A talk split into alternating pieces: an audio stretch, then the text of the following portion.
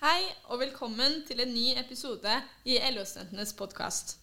Dagens episode handler om likestilling, og med oss for å diskutere dette har vi Alida Domås. Hei, hei! Hun er studentleder i Industri Energi. Og så har vi også med oss Sandra Aaberg Kristiansen, Hei! ungdomsleder i L- og IT-forbundet. Mitt navn er Pia Fjelstad, og jeg er leder for LO-studentene NTNU Trondheim. Ja, hei. Jeg er Nabil og er også medlem av LO Student. Nå er det sånn at Norge fremstår som et av verdens mest likestilte land, men også her er det mange utfordringer. Fremdeles blir karrierekvinner vurdert ulikt og mer negativt enn sine mannlige kollegaer. Videre er det slik at kvinner tjener 87 kroner per 100 kroner enn mann tjener. Flest eh, kvinner har deltid, og det er kvinner som er mest utsatt for seksuell trakassering og overgrep. Ja. Da kan vi eh, begynne med en liten presentasjon av dere. Velkommen til eh, dette podkast her. Tusen takk. Uh, Alida, hvem er du egentlig, og, og hva er din bakgrunn i fagbevegelsen? Ja, jeg heter Alida, 22 år.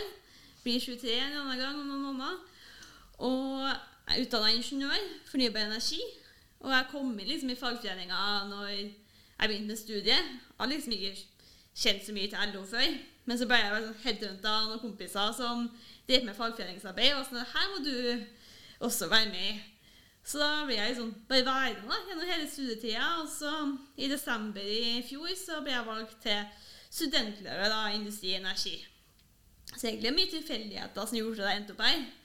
Hvis man har noen gode venner som eh, snakker positivt om LO, så var jeg liksom ikke vanskelig å overbevise.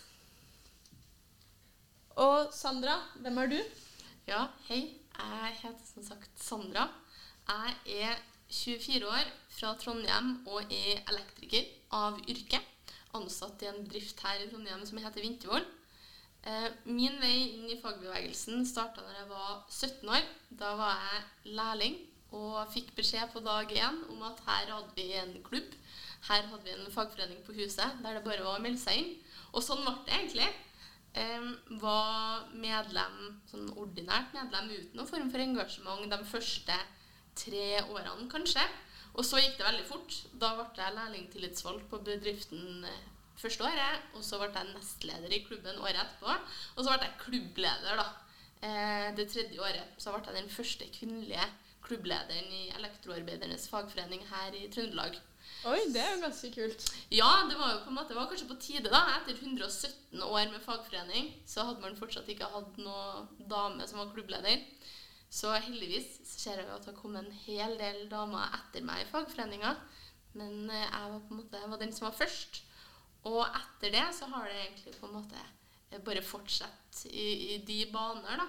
Eh, Jeg ble i ja, 2019 så ble jeg valgt som ungdomsleder i LO-IT-forbundet, og der er jeg fortsatt. Um, jobber med ungdomsaktiviteter, skape engasjement, jobbe organis organisatorisk, eh, men også politisk. Så det er på en måte min vei frem til nå, da. Vil du eh, snakke litt om eh, dine personlige erfaringer i en sånn mannsdominert eh, yrke som elektriker? Ja. Hvordan har det vært for deg? Mm. Nei, altså Først og fremst så er det på en måte stort sett veldig bra. Eh, jeg har jo opplevd og stort sett alltid vært på en måte eneste jente. Både i sånn fagbevegelsessammenheng, en av veldig få damer som var til stede, men også ut på byggeplassene. Det var ofte sånn at man var eneste jenta på prosjektet. Og stort sett så var det veldig fint, altså. Og det tror jeg er litt eh, viktig å, å ta med seg òg, at mine kollegaer i Vintervoll, der har det aldri vært noe tull. De har på en måte alltid stått opp for meg, og, og hvis det har vært noen utfordringer på prosjektene, så har de liksom ordna opp. Um, både kollegaer liksom nede på gulvet og, og sjefer og, og, og prosjektledere og liksom hva enn det skulle være. Men det er klart at man er jo en minoritet. Altså Man er under 20% da, av arbeidsstokken, både liksom i bedriften, men generelt ut på, på byggeplassene. Så det har jo på en måte ikke alltid vært like kult om du kan si det sånn.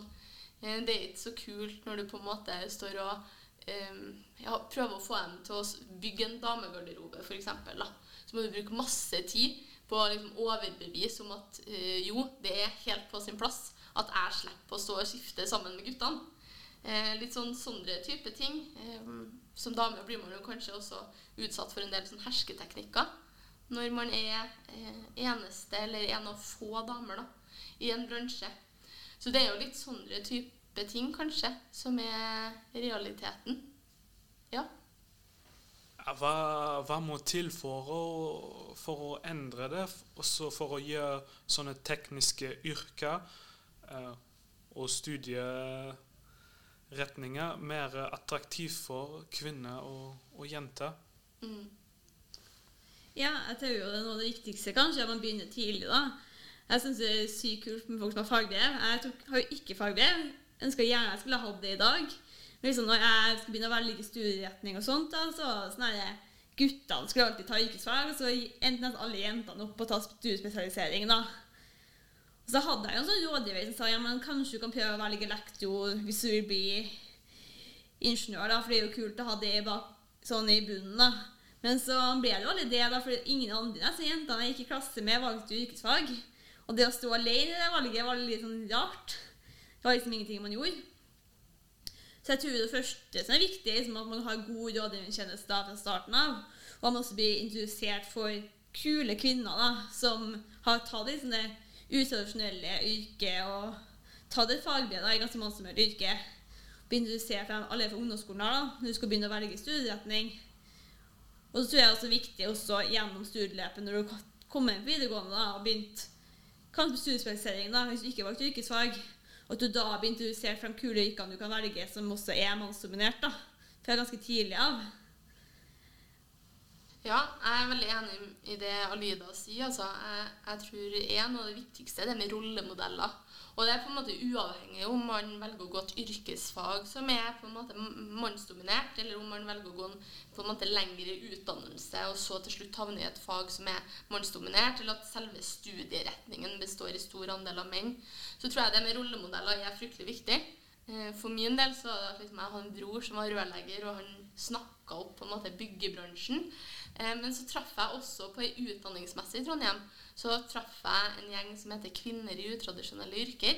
Som var håndverkere, som på en måte var blikkenslagere, murere, rørleggere, elektrikere. Og så fikk jeg på en måte spurt hun, ja. Du, eh, læreren min sier at damer ikke er sterke nok til å ta sånne eh, mannsdominerte yrkesfagvalg, da. Hva, hva tenker du om det? Nei, det er bare tull. Og så, ja, mener det? Bare, ja, ja, det er klart det Og tunge tak innimellom, men det går bra. Det ordner seg. Så fikk man på en måte eh, ta- livet av noen av de mytene som finnes, da. Så jeg tror jo kanskje noen spørsmål er liksom, hva skal man gjøre for å få flere til å, til å velge utradisjonelt, eller sånn, så tror jeg det med rollemodeller er viktig.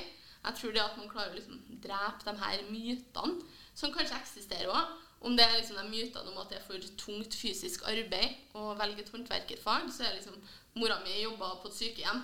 Det var minst like tungt, det, altså. Eh, og samme de mytene som, som finnes med eh, de studieretningene ellers da, på lengre utdannelse som fins. Eh, så jeg tror liksom man må ta dem liksom ved livs. Så tror jeg også generelt Alida var jo litt inne på det med skoleløpet, da.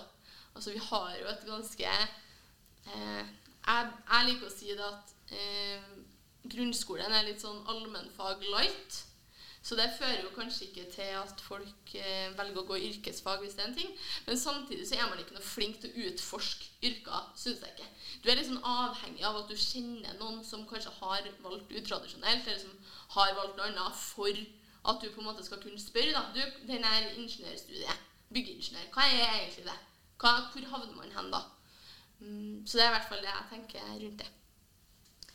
Ja, så tror jeg kanskje også viktig når man er veldig sånn tilhenger egentlig av kvotering, da. Ikke sånn som løsninga på problemet, men som et virkemiddel for å nå målet. da. Fordi at, som Sandra også sier, man har ganske sånn tradisjonelle yrkesmønster. Man er ikke alltid blir introdusert for alle yrker. Og kvotering inn til høyere utdanning, annet, til studieretninger, så får man jo f.eks. kjønnspoeng hvis man er underrepresentert på studiet. da. Det gjelder også for menn, da, enkelte studier.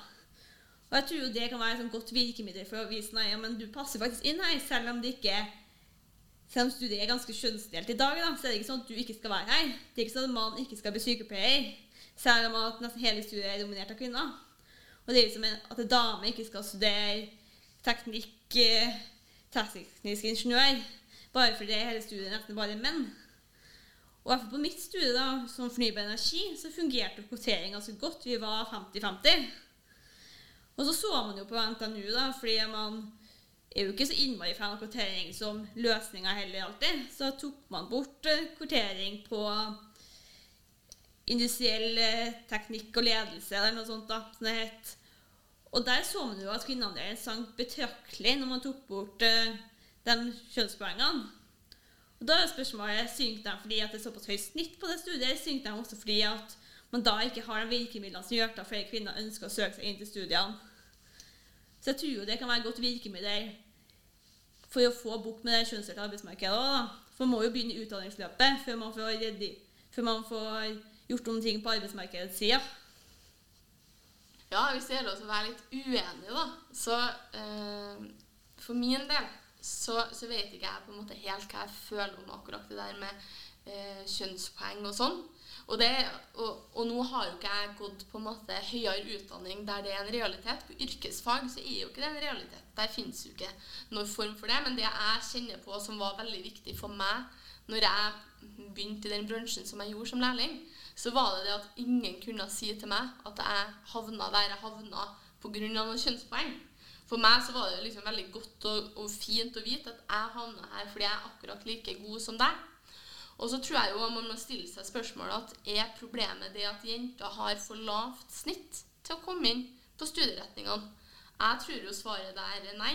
Altså Jenter har jo på en måte rent statistisk sett ganske godt snitt. Jeg tror at man på en måte, det er en litt for lettvint løsning for min del da, til å, til å få opp på en måte kjønnsbalansen på på um, studieretningene. Men det er klart, vi skal ikke liksom starte en stor debatt om det. Og jeg er helt enig at på en måte, man må absolutt se på det. Og det er ikke um, Debatten her er ikke så svart-hvitt heller. Men uh, kjønnspoeng for meg er på en måte Det er en viss bismak på det, kanskje. da. Ja, jeg tror jo ikke problemet er at jenter har for lavt snitt, men det er jo de, de jenter som dominerer både i høyere utdanning, har vært, og dominerer også har best karakter på skolen. da. Det er jo kanskje et annet problem.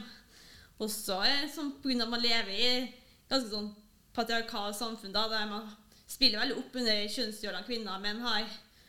Og da blir liksom plutselig også gutten kanskje den som blir tilegna de tankene om at du skal gjøre det litt dårlig på skolen hvis du bråker og det. Men jeg tenker jo kjønnspoeng kan være den måten man kan vise fram at det her yrket du passer inn i. Og samtidig som at uh, kanskje mange jenter ikke trenger kjønnspoenger for å komme seg inn, så viser det også at jeg ser at her er et yrke som kan, eller studieretning som kan, du kan gå inn i. tenker min del av hvert fall. Mange gode poenger rundt det å utjevne kjønns, uh, kjønnsforskjeller på arbeidsplasser. Men begge dere to har jo lederansvar og tillitsverv. Hva, hva gjør dere med en sånn her problemstilling? Ja, for min del eh, så er det ene på en måte at vi må støtte hverandre, de damene som finnes òg, da. Eh, på om det er på liksom arbeidsplass, eller om det er liksom i fagforeningssammenheng. eller sånn når jeg var klubbleder på Vintervoll, så tok jeg initiativ til at vi en gang i året så inviterte jeg alle jentene som jobba ut, på middag til meg. Eh, rett og slett bare for å liksom bli litt tryggere. da, Skape nettverk. Eh, så jeg tror jo det liksom Har litt sånn form for nettverksbygging. Eh, så tror jo jeg en ting som er sabla viktig, og som jeg gjør mye av, er å mase. Man må mase. Fordi jeg tror nok mange i forbundet vil nok si at jeg maser litt for mye. Det er på en måte, ja, Sandra, vi har skjønt poenget. Det er for få damer som sitter i det her landsstyret. Men, men, men. Det er på en måte så lett å komme med unnskyldninger hele tida. Eh, og jeg tar gjerne på meg den rollen som masebøtte. Altså, for at man skal ikke eh, godta, eller man skal ikke på en måte la det gå hus forbi. At liksom, ja, ja, her er det noe litt lite damer, da. Så sånn er det nå. Nå må man på en måte ta til orde for det og si vet du hva, det her er ikke greit. Og jeg tror at det blir litt flaut hvis man på en måte et landsstyre eller et forbundsstyre eller hva enn det er, altså klubbstyre, på en måte år på år på år får liksom den samme eh, represalien. da, At liksom femte året på rad så får man beskjed om at det her er for dårlig. Så jeg tror jo kanskje litt på det å, å mase da. Eh, en av tingene man kan, eller skal gjøre, eh, for å få ting bedre. Ja, jeg er jo helt enig på at man skal mase. Det er kanskje det jeg gjør ganske mye. Også fordi jeg syns fagbevegelsen ofte klapper seg litt på skuldra litt for lett. Sånn, Oi, vi har funnet ei dame til debatten. Yes, det er. Men woho, da vant vi i dag også, ja! Men eh, så er man sånn Å ja, du tar aldri til takke med når det bare er ei dame. Da er man kjempefornøyd. Så er det tre menn i panelet. Det er kjempefint, det. Godt jobba. Klapp deg litt på skuldra, du. Så mas tror jeg funker fint. Vi også har hatt god tradisjon med industri og energi. Da. Vi har arrangert eh, jentekurs for unge kvinner. Der man har både for å bygge nettverk og for å snakke om problemstillinger man sjøl møter i arbeidslivet.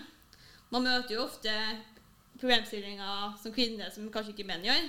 Så det er godt å få diskutert i et lukka forum. Snakk om litt om hersketeknikkene, som Sandra er inne på. Hvordan du opplever det.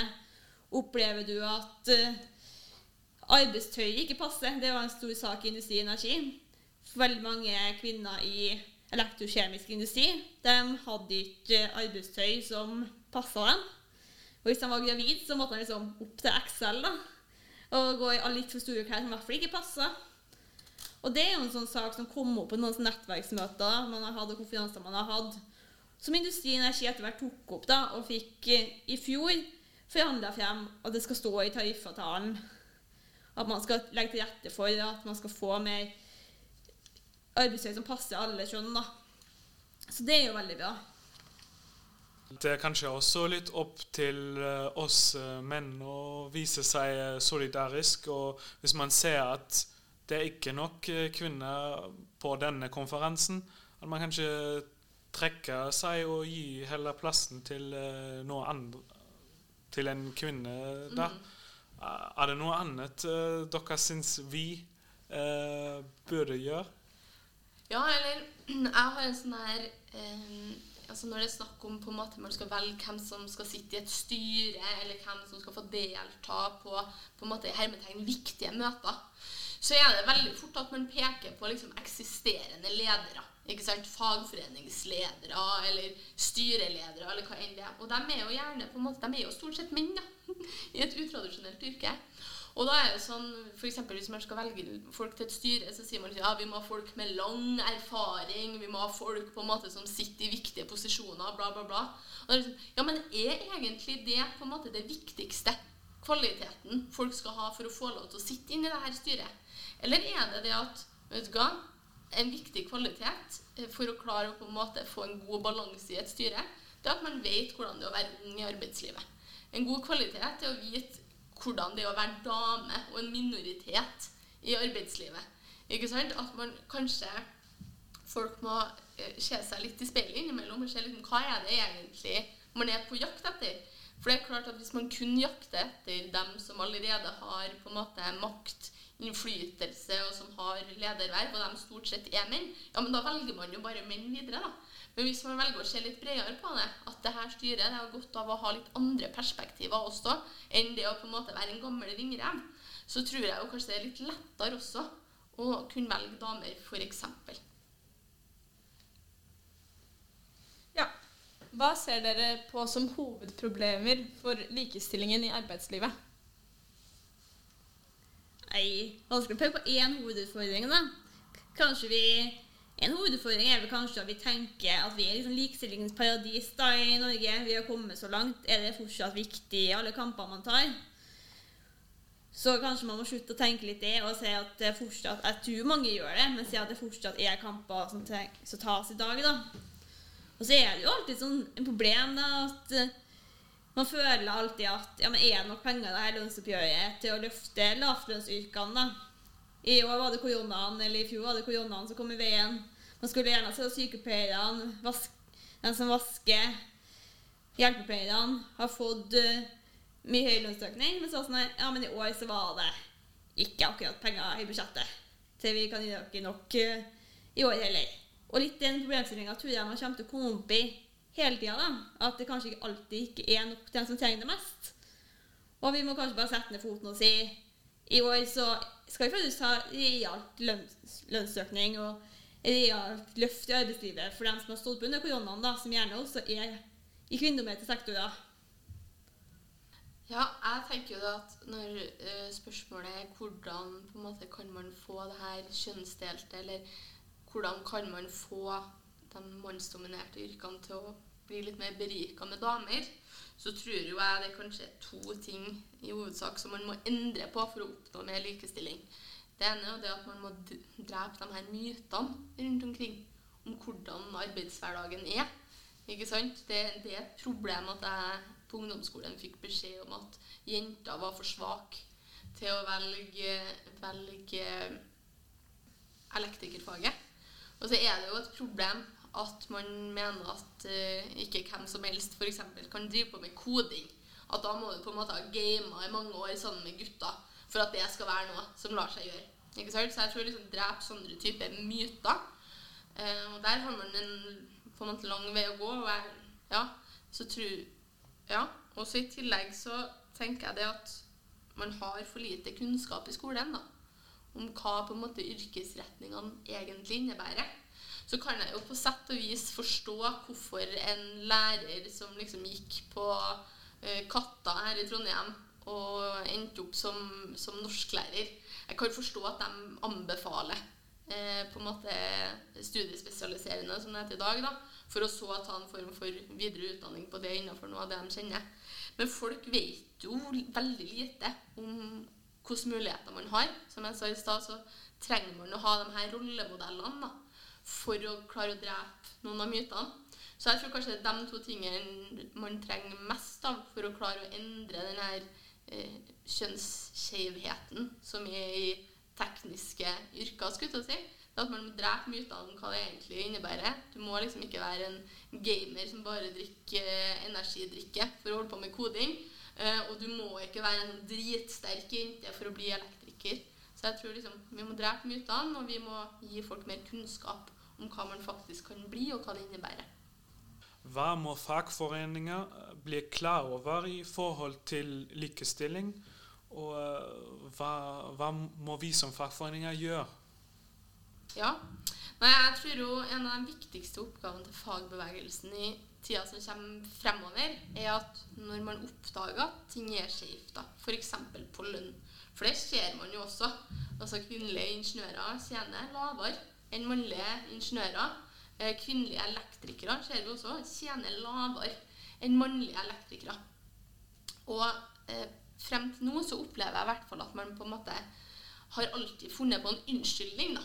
Ikke sant? Ja, men kvinnelige elektrikere tjener dårligere fordi at Og så har man, har man en eller annen unnskyldning på det. Men jeg tenker at den tida må kanskje være forbi.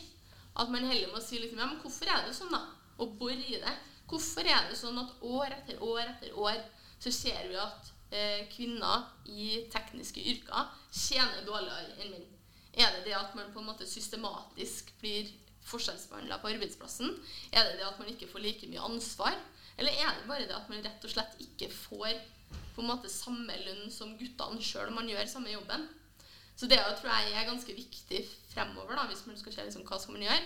Man må slutte å akseptere at ting er forskjellig, og bare finne på en unnskyldning for det. Man må liksom gå inn i det og se hva er forskjellen, og så prøve å liksom utfordre og få endra det. Ja, da vil vi takke dere veldig mye for at dere var med på denne episoden her. Og jeg garanterer at eh, alle som hører på, kommer til å bli inspirert av å høre på to flotte damer. Tusen takk. takk. Tusen takk.